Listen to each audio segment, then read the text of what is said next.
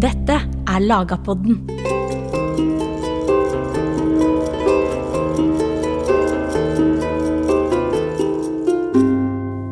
Magnus Lagerbøter ga i 1274 landslova for det norske veldet og skattlanda. I 1276 ga han ei egen lovbok for byene. Trulig i 1277, eller i alle fall på 1270-tallet, så ga Magnus Lagerbøter ei egen lovbok for kongens hird, eller for hoffet og administrasjon. Og til slutt så ga han ei lovbok for Island i 1281. Dermed fikk alle områder som Magnus Lagerbøter styrte, ei ny lov. Men hva var Norge i høgmellomalderen? Hva var relasjonen mellom det norske veldet og skattlanda? Hva posisjon hadde Island, og hva status hadde den samiske befolkninga? Og hvorfor fikk by og land hver sine lovbøker, og hva rolle spilte hirda i styret av Norge? Med oss for å svare på disse spørsmålene har vi Erik Oppsal, professor ved NTNU. Du lytter til Lagerpodden, en podkast av Nasjonalbiblioteket. Mitt navn er Jørn Øyrehagen Sunde.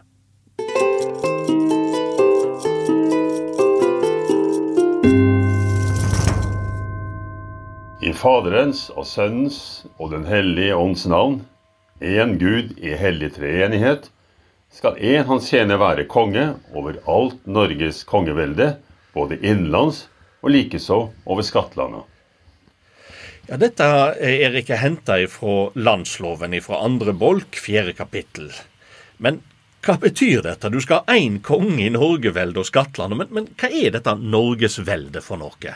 Ja, eh, det er jo da et eh, relativt stort geografisk område i Nord-Europa, som altså da på dette tidspunktet her, i 1274, var under styret av den norske kongen. Den norske kongens velde, dvs. Si makt, maktområde. Og En skiller jo her mellom innenlands, det som vi vil kalle for Norge, og det som da det står Skattlandet, som er altså av territorium utafor Fastlands-Norge. Og dette territoriet, altså det, er jo, det som binder dem sammen, er jo egentlig Nordsjøen? Ja, det er sjøen. For det er jo det som ofte glemmes av moderne mennesker, er jo at sjø, sjøen er faktisk den viktigste kommunikasjonsåra gjennom historien. Og en kan knapt nok tenke seg et samla Norge hvis det ikke hadde vært for sjøen. Skipsleia. Og dette er jo da en del av en lengre utvikling som en skal vi si, begynner litt faktisk før vikingtid, altså rundt 800-900 med altså migrasjon fra det som er Norge, ut til ut Atlanterhavet, til Færøyene, til Island, til Shetland, Orknøyene og helt til Grønland, faktisk. Altså nybyggere fra Fastlands-Norge. Som da en kan kalle det det norrøne. Som er en sånn fellesbetegnelse ut fra sånn kulturelt og språklig fellestrekk. da. Og dette området etter hvert over tid, som i dag 12-4, er i høy grad sammenfallende med det området som da norrøne migranter slo seg ned i i hundreåra forut. Og noe av dette området, f.eks. Færøyene, Shetland, Orkenøyene, da kaller vi for skattland. Hva betyr egentlig det? Skattland er en fellesbetegnelse på territorium som lå under den norske kongen, eh, og betalte da skatt til den norske kongen, men som likevel i andre sammenhenger hadde særtrekk som skilte ifra Fastlands-Norge, altså det som vi kaller for ja, riket, da, kongeriket Norge. da. Så det hadde særegne. F.eks. islendingene hadde jo da eh, krav på og fått slått fast at de skulle bli styrt etter islandsk lov og av islendinger. Og mens Færøyene var jo på mange måter la seg en integrert del av Norge, men samtidig så lå det fysisk såpass langt fra Fastlands-Norge at det hadde særegne forhold og måtte på visse sammenhenger behandles særskilt. Island er jo litt i en særstilling her, for at de kommer veldig seint inn under den norske trona. Og så får de en, en, litt spesiell status, fordi Skattland får ikke EU lovbok. De må få landsloven av 1274. Men Island får jo Fyssi er jo lovbok i, i 1271, egentlig 1273, som de kaller for jernsida. Og så ble den avlyst eh, av da, eh, Magnus Lagerbøtters lov i, av 1280. Egentlig vedtatt i 1281 på, på Alltinget. Hvorfor har de en sånn spesiell status? Ja, det er jo rett og slett altså Islendingene krevde jo det. det var, de lot seg ikke, skal vi si, de underla seg ikke den norske kongen uten betingelse. Dette var rett og slett forhandlinger mellom det islandske samfunnet og den norske kongen gjennom representanter, hvor da islendingene gikk med på å underkaste den norske kongens eh, styre mot kravene som jeg nettopp har nevnt, og de skulle også ha krav på skips eh, osv. Så, så, videre. så dette var en forhandlingsposisjon mellom islendinger og den norske kongen. Og Det skyldes jo dels Islands beliggenhet langt ute i havet, men dels også at det var relativt stort samfunn sammenlignet f.eks. med Færøyene overfor den norske kongen. Så det var jo ikke noe snakk om for den norske kongen at han skulle militært erobre Island. Men han skulle inngå en, forhandling som endte opp i en avtale som den nå da du skisserte. da. Og Før vi forlater dette riket som er bundet sammen av, av skjøden, så må vi òg si noe om jarlen av Orkenøyene. Fordi Du har snakket om Færøyene, men så har du Orkenøyene Shetland, som var en enhet. Og så er det Sverre som trekker Shetland inn under den norske trona. Og jarlen av Orkenøyene kom ut av en helt spesiell stilling egentlig innenfor den norske styringseliten. Ja, det er jo riktig. det. Altså Shetland, eller Jaltland som det het uh, på gammelnorsk, var jo på mange måter i utgangspunktet en integrert del i det norske riket på en lik linje med Færøyene. Men rett sør for Shetland så har du Orknøyene. Der det var, som du riktig påpekte, en jarl, en Orknøy-jarl, rekruttert innenlands på Orknøy, dels fra Nord-Skottland. Og der var det jo slik da at denne jarlen i sin tid fatalt støtta et opprør, det såkalte Øyskjeggopprøret mot kong Sverre i Norge på slutten av 1100-tallet. Og det mislyktes. Og som straff så da gjennomførte kong Sverre en form for reorganisering av forvaltningen av Orknøyene, der hun satt en norsk kongelig ombudsmann, en sysselmann, i til delvis å styre Orkene sammen med Orknøyene. Som ble på en måte et parallellstyre av Orknøyene. Så Orknøyene var på en måte et springbrett eller et bruhode mellom det norrøne og det skotske. Og det er jo litt interessant, da, vår oppfatning av Shetland, Orknøyene og det øvrige Vesterhavsøyene er jo veldig prega av den lange sagatradisjonen. Går du til skotsk side og gaelisk-skotsk tradisjon, så er bildet litt annerledes om når det første folkegrupper slo seg ned osv. Så, videre, og så, videre. så dette er i skal vi si, spenningsfeltet mellom den etter hvert norske kongens velde og sørfra den skotske kongens velde, som også ekspanderer nordover til det nordlige Skottland og mot Orknøy for å utvide sitt maktområde. Og så har vi jo den andre sida av Norge, for å si det på den måten. Vi har jo Jämtland og Herjedalen. Hva tilknytning hadde de til det norske riket, både kongetronen, men òg til erkebispesetet i Nidaros? Ja, det er jo veldig interessant. hvis Du skal snakke om eh, erkebispesetet i en annen sammenheng, men det er jo det som langt på vei Når erkestolen ble oppretta i Nidaros i 1152 eller 53, og Eh, da erkebispedømmet geografisk utvider seg, så blir det over tid langt på vei sammenfallende med den norske kongens velde. Eh, så er det slik at Fastlands-Norge jo heller ikke altså 1200-tallets Fastlands-Norge er ikke identisk med det moderne Norge. Eh, du nevnte Jämtland Herredalen, men først vil jeg si Bohuslän, altså dagens svenske vestkyst, var jo på dette tidspunktet 1274 en fullt ut integrert norsk landsdel. Så kommer vi da til Herjedalen, som er, har historisk sett og fremdeles er nesten folketomt. Men den, i den grad det er belagt der, så er det også under den norske kongens velde. Så er det det nordlige, store landskapet Jämtland som er i en særstilling. Jämtland er midt i skal vi si, den skandinaviske halvøya. Det er et stort, hvitt område det blir etter hvert underlagt den norske kongens velde. Eh, tradisjonelt regnes det som at det er faktisk kong Sverre som slår Jämtland i et slag på Anderssjøen. Eh, det spesielle med Jämtland er at i kirkelig henseende, altså erkebispesetet, så blir det underlagt den svenske erkebiskopen i Uppsala, ikke den norske erkebiskopen Nidaros. Ingen har fullt ut helt kunnet forklare hvorfor Men det er i hvert fall den eh, situasjonen er slik, slik at Jämtland er også da i en sånn særstilling, slik at den mener at det best kan kalles et skattland, Det er fordi den har denne spesielle mellomposisjonen da, i forhold til den norske kongen. At den lød den norske kongen, men ikke den norske erkebiskopen. Mm. Da har vi fått et bilde av det norske riket i vest, og i øst og i sør. Men den nordnorske delen av det norske riket har sin egen historie. Og den skal vi få høre om litt.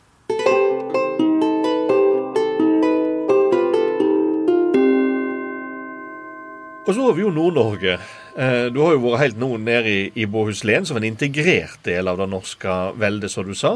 Men så har vi Nord-Norge. For at eh, der vokser jo det norske veldet. Og var slettest ikke kommet til ei i 1274. Nei, det er riktig. Altså Tradisjonelt sett så går Hålogaland, altså nordgrensa i norske kongens rike, det går et stykke inn i den si, moderne Troms. Og en regner i hvert fall på dette tidspunktet at Lyngsalpene i Nord-Troms, midt Nord-Troms, er liksom den norske kongens skal vi si, fysiske nordgrense. Tromsø, altså dagens Tromsø, ligger jo på Tromsøya. Der hadde jo da kong Håkon Håkonsson etablert en befestning og en kirke. De typiske symbolene for datidas samfunnsmakt. Kongemakt, kirkemakt.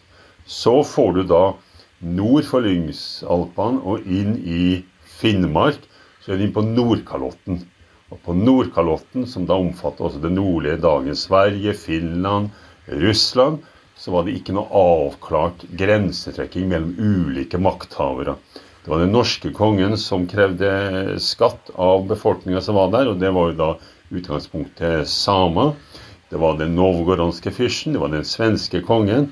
Slik at du hadde et sånt fellesområde der ulike makthavere skattla de ulike folke, folkegruppene som var der, og det var da først og fremst samene. Så er det jo slik da at samer har jo også virka lengre sør inn i det som var det norske kongens rike, i Hålogaland. Og da har jo forskere ment at det i motsetning til det tradisjonelle synet har vært en, en god del samkvem mellom de samiske eh, samfunnene innerst i fjordbunnene oppå vidda, og nordmenn som da etter hvert etablerte seg langs kysten nordover i det som da er nordlige Troms og Finnmark.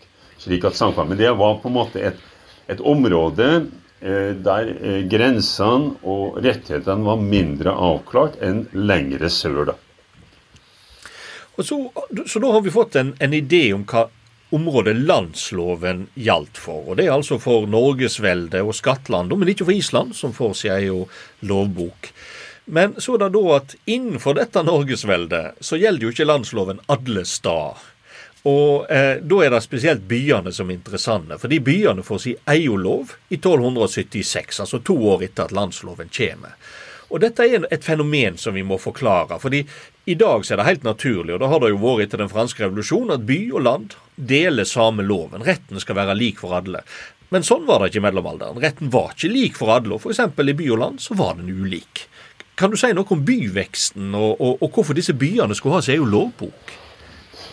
Ja, altså På kontinentet i Europa så heter det seg at byluft gjør fri. Altså at det var andre regler i forhold til skal vi si, private, personlige posisjoner og rettigheter på landsbygda og i byene. Slik at folk som kom seg inn til byene på, i kontinentalmiddelalder-Europa, sto friere i måte, sin sosiale posisjon.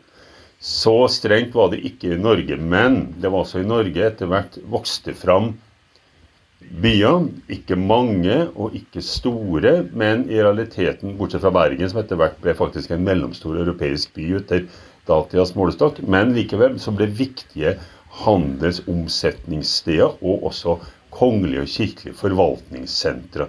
Slik at bysamfunn vokste fram i Norge, og bysamfunnet også i middelalderens Norge er såpass forskjellig fra livet på landsbygda, slik at hadde, det var en tradisjon. F.eks. Nidaros, altså Trondheim, kjenner jo en bjarkerett, en gammel egen rett for eh, byen. slik at det var en tradisjon for egen lovgivning for byene også i Norge. Og det ble også videreført under Magnus Lagabøte ved at han da eh, utstedte og eh, fikk da satt ned en bylov i 1276 som var veldig sterkt prega av forholdene i Bergen, rimeligvis som den største byen, men som likevel etter hvert fikk lokale tilpasninger til de andre byene. da. Mm. Og Du nevner dette med at byene er viktige for administrasjon og som handelsknutepunkt osv. Kan du utbrodere litt dette? Altså, Hva er byene sin funksjon for den norske økonomien når bylova kommer i 1276? Ja, Det er jo da viktig å få med seg f.eks. at Bergen var jo som sagt den største byen og den viktigste byen. Og Bergen var altså utgangspunktet et særdeles viktig omsetningssted og omlastningssted for norsk utenrikshandel. Fordi det het seg da at utlendinger ikke hadde lov til å seile nord for Bergen. Utlendinger etter hvert ville i hovedsak si de tyske hanseatene, altså disse tyske kjøpmenn som brakte med seg korn og øl og diverse andre varer til Norge, og til gjengjeld tok ut tørrfisk som de da eksporterte til kontinentet. Og eh, kongen og kirka hadde interesser i eh, handelen og hadde fått kontroll på handelen, slik at en da på en måte fikk samla dette i Bergen. Og så er det da også de andre byene. Nidaros var jo da etter hvert kirkas viktigste by. og Både kirke og kongemakt har behov, og mye av deres inntekter er jo naturalia. Altså matvarer osv. De skulle samles inn av kongelige og kirkelige ombudsmenn, og de skulle konsentreres i byene, og eventuelt der da ligge til fortæring for når kongen kom på besøk, som han gjorde jo jevnlig. Kongen var jo forflyttende rundt om i riket. Og også etter hvert andre, unnskyld, andre folk, befolkning eh, skulle jo da inn i byene for å eventuelt få kjøpt det de ikke kunne skaffe seg sjøl ute på landsbygda. Slik at Sånn sett så er byene både for samfunnsmakten, kirke og kongemakt, men også for innbyggerne viktige steder for skal vi si, tross alt handel, samkvem, omsetning da, og anskaffelse av eh, varer og andre tjenester som det tross alt fantes i middelalderens Norge. Og Der må jeg utfordre deg på noe som er alltid problematisk å snakke om. For Du snakker om Bergens største by, og så snakker du, Bergen, unnskyld, Norges største by, og så snakker du om kongen som reiste rundt og forflytta seg mellom byene. Og Da tenker folk med en gang på hva var Norges hovedstad? Hva vil du si til ja. det, Erik? Da vil jeg si det at uh, i middelalderens, høymiddelalderens Norge så var det ingen hovedstad i vår forstand av ordet. Altså en by som permanent Eh, eh, husa konge, regjeringsapparat, forvaltning, sentralmakt. Det var det ikke. Men det var visse byer som var viktigere som forvaltnings- og ikke minst kongelige forvaltningssentre, der kongen residerte oftest, og der flest av hans skal vi si, han hadde av sentralmakt, befant seg størstedelen av året. Og på 1200-tallet, etter ja, midten av 1200-tallet så var Bergen den klart viktigste byen der. Men også Oslo og Tønsberg var viktige slike kongelige byer. Mens derimot f.eks. Skien, som en gammel by, eller Borg, altså da moderne Sarpsborg, var byer, men ikke på langt nær den samme kongelige residensfunksjonen. Nidaros, altså Trondheim, var den viktigste kongelige residensbyen fram til begynnelsen av 1200-tallet. Men fra da så er det først og fremst erkebiskopens og kirkas by. og Det er der erkebiskopen residerer. Men også erkebiskopen forflytter seg. Han er også pliktig til å gjøre visitas rundt osv. osv. Slik at konge og erkebiskop, og konge kanskje mer enn erkebiskopen, forflytter seg stadig vekk rundt i riket. Det er av mange grunner. Det er kontroll, det er å vise seg, og det er også å på en måte fortære inntektene osv. Slik at Bergen forblir fra midten av 1200-tallet Norges viktigste forvaltnings- og kongelige residensby så lenge vi har en innenlandsk konge til slutten av 1300-tallet. Sammen med Oslo Tønsberg, som er de to andre viktige kongelige residensbyene i samme periode. Mm. Og Når kongen reiser rundt, og det har han jo gjort helt ifra vi, vi får en norsk konge, så reiser han jo delvis rundt med hirda si. Og da er vi jo over på den, den, siste og den egentlig minst kjente av lovbøkene til Magnus Lagerbøter. Det er òg den aller minste, men den er for så vidt ganske omfangsrik. Eh, og det er jo Hirdskrå, altså denne lovboka som gjaldt for hirden, eh, hoffet og administrasjonen, kalte det tidligere i, i denne episoden. Eh, kan du forklare litt hva, hva er denne hirden for noe? Ja, hird er jo faktisk da egentlig ikke et opprinnelig et gammelnorsk ord, norrønt ord, men det er et angelsaksisk ord. Altså det å være sankt beslekta. Altså det er fra det angelsaksiske England før normannererobringa 1066. Og det er egentlig en betegnelse på en stormanns, en konge, en jarls faste følge. En slik mann hadde et følge av eh, vakter, av tjenere osv. osv. som fulgte når han stadig forflytta seg rundt.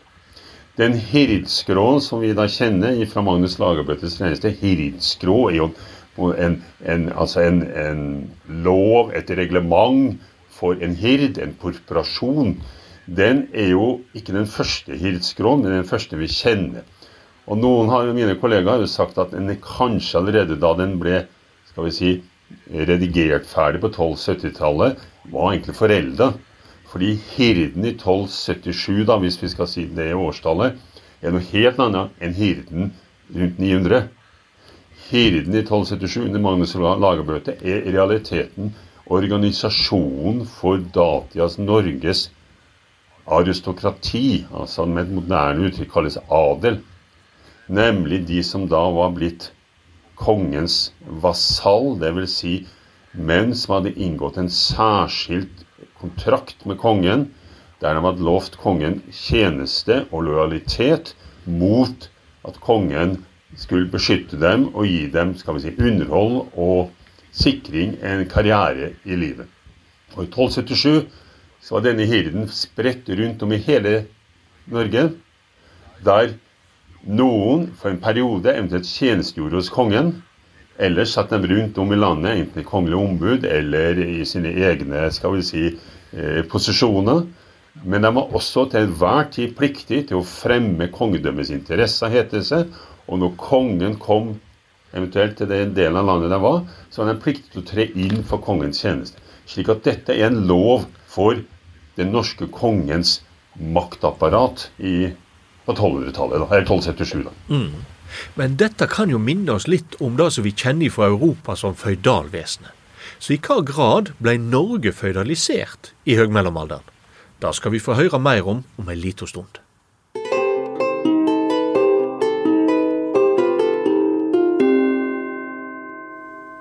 Altså, allerede, allerede, På Magnus Lagerbøtters tid så ser vi jo at en del av disse gamle benevnelsene på personer i Hirdo fremdeles fins. F.eks. stallare, som er den som egentlig passer kongen sine hester, men på Magnus' i tid blitt den som egentlig har eh, ansvaret for de juridiske anliggende ved, ved, ved administrasjonen. Så, eh, og, og etter hvert, I denne perioden så skal du òg bytte titler på disse fremste embetsmennene Ja, tjenestemenn er en bedre ord til kongen.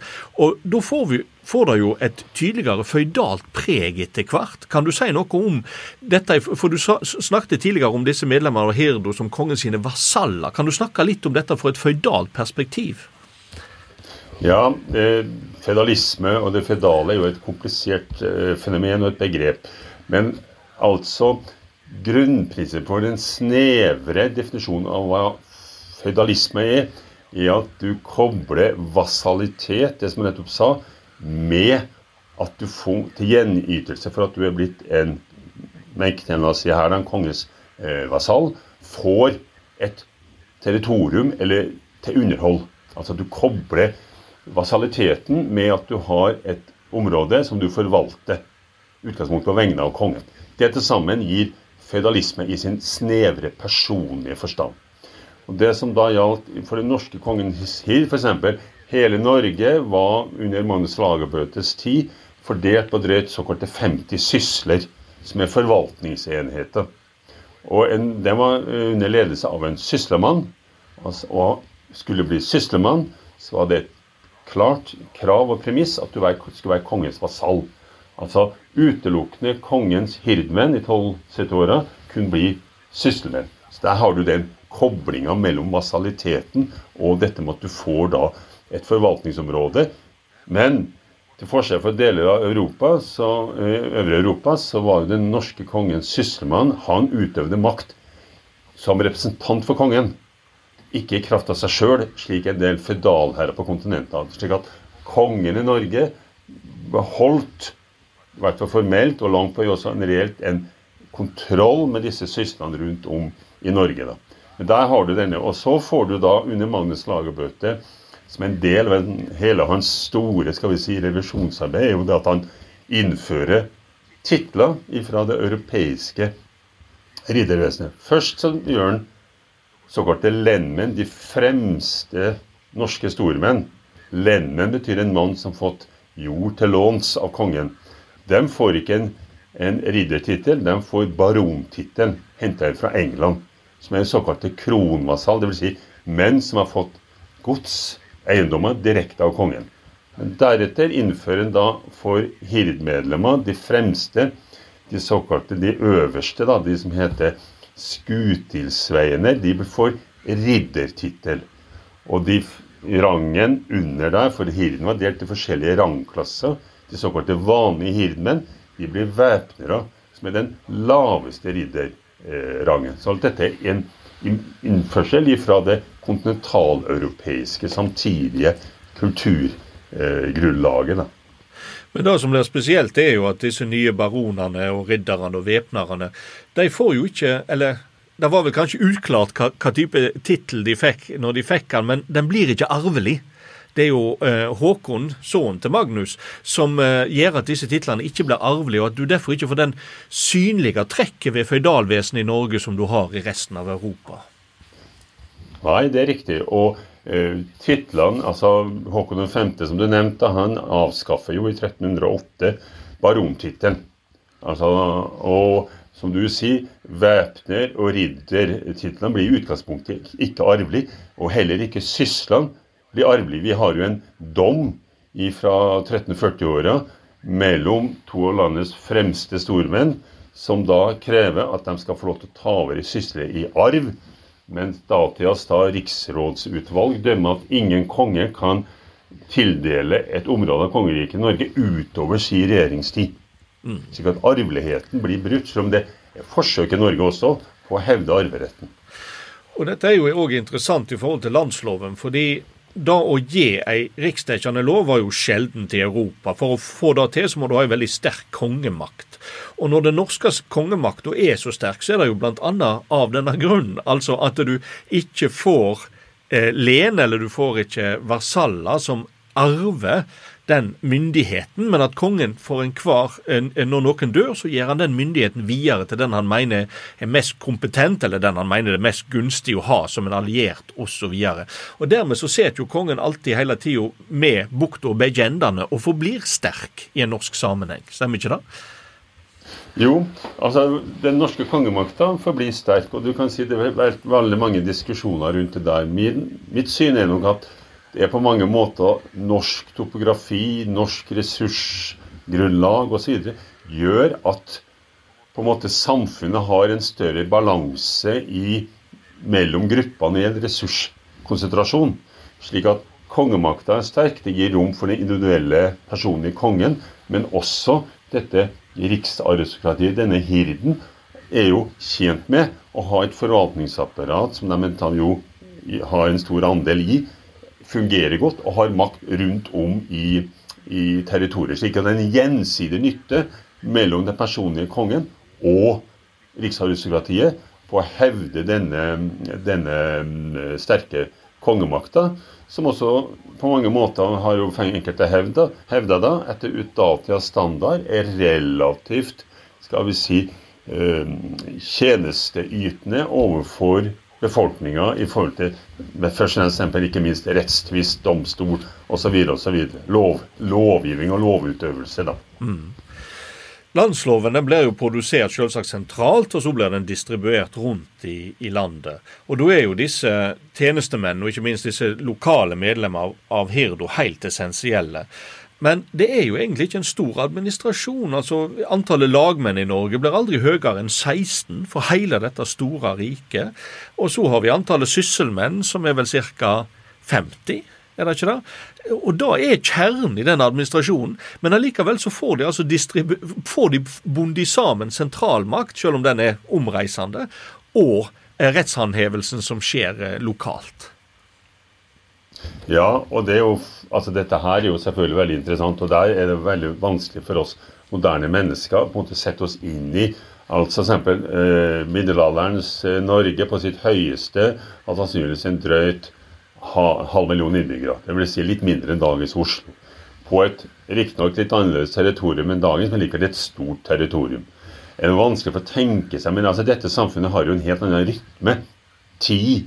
Ting tar lengre tid enn forventet. Vi kan ikke forvente lynraskt. slik at noen har ment at denne, som du helt riktig påpeker, denne relativt fåtallige, etter vår standard primitive forvaltningsapparatet, kunne ikke ha særlig skal vi si, innflytelse over de enkelte menneskers daglige liv. Altså fjern og lite tilstedeværende og egentlig lite makt og innflytelse.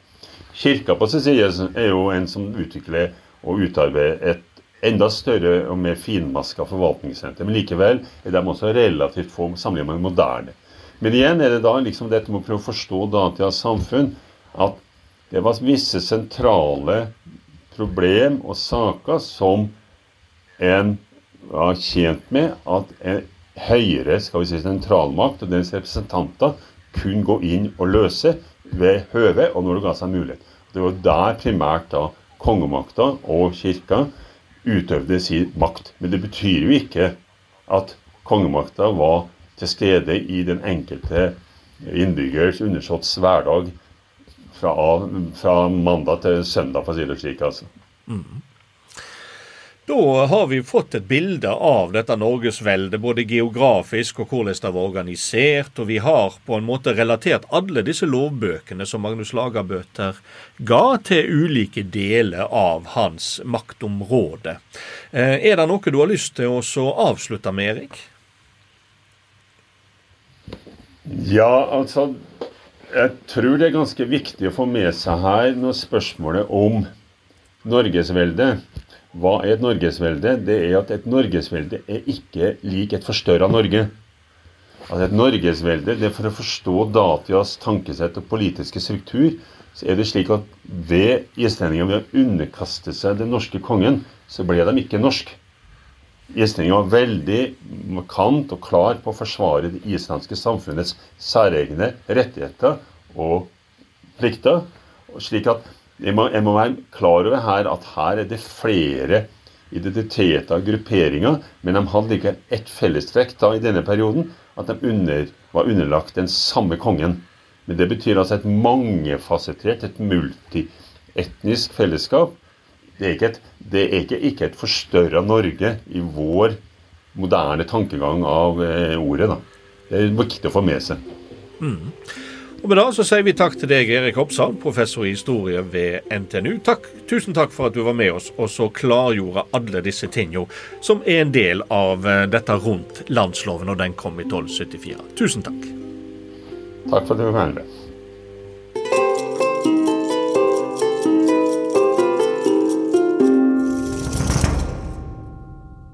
Du har hørt en episode av Lagapodden. Musikken i denne podkasten er skrevet og produsert av Øyan Groven Myhren. Hør flere av Nasjonalbibliotekets podkaster på nb.no eller din foretrukne podkastapp.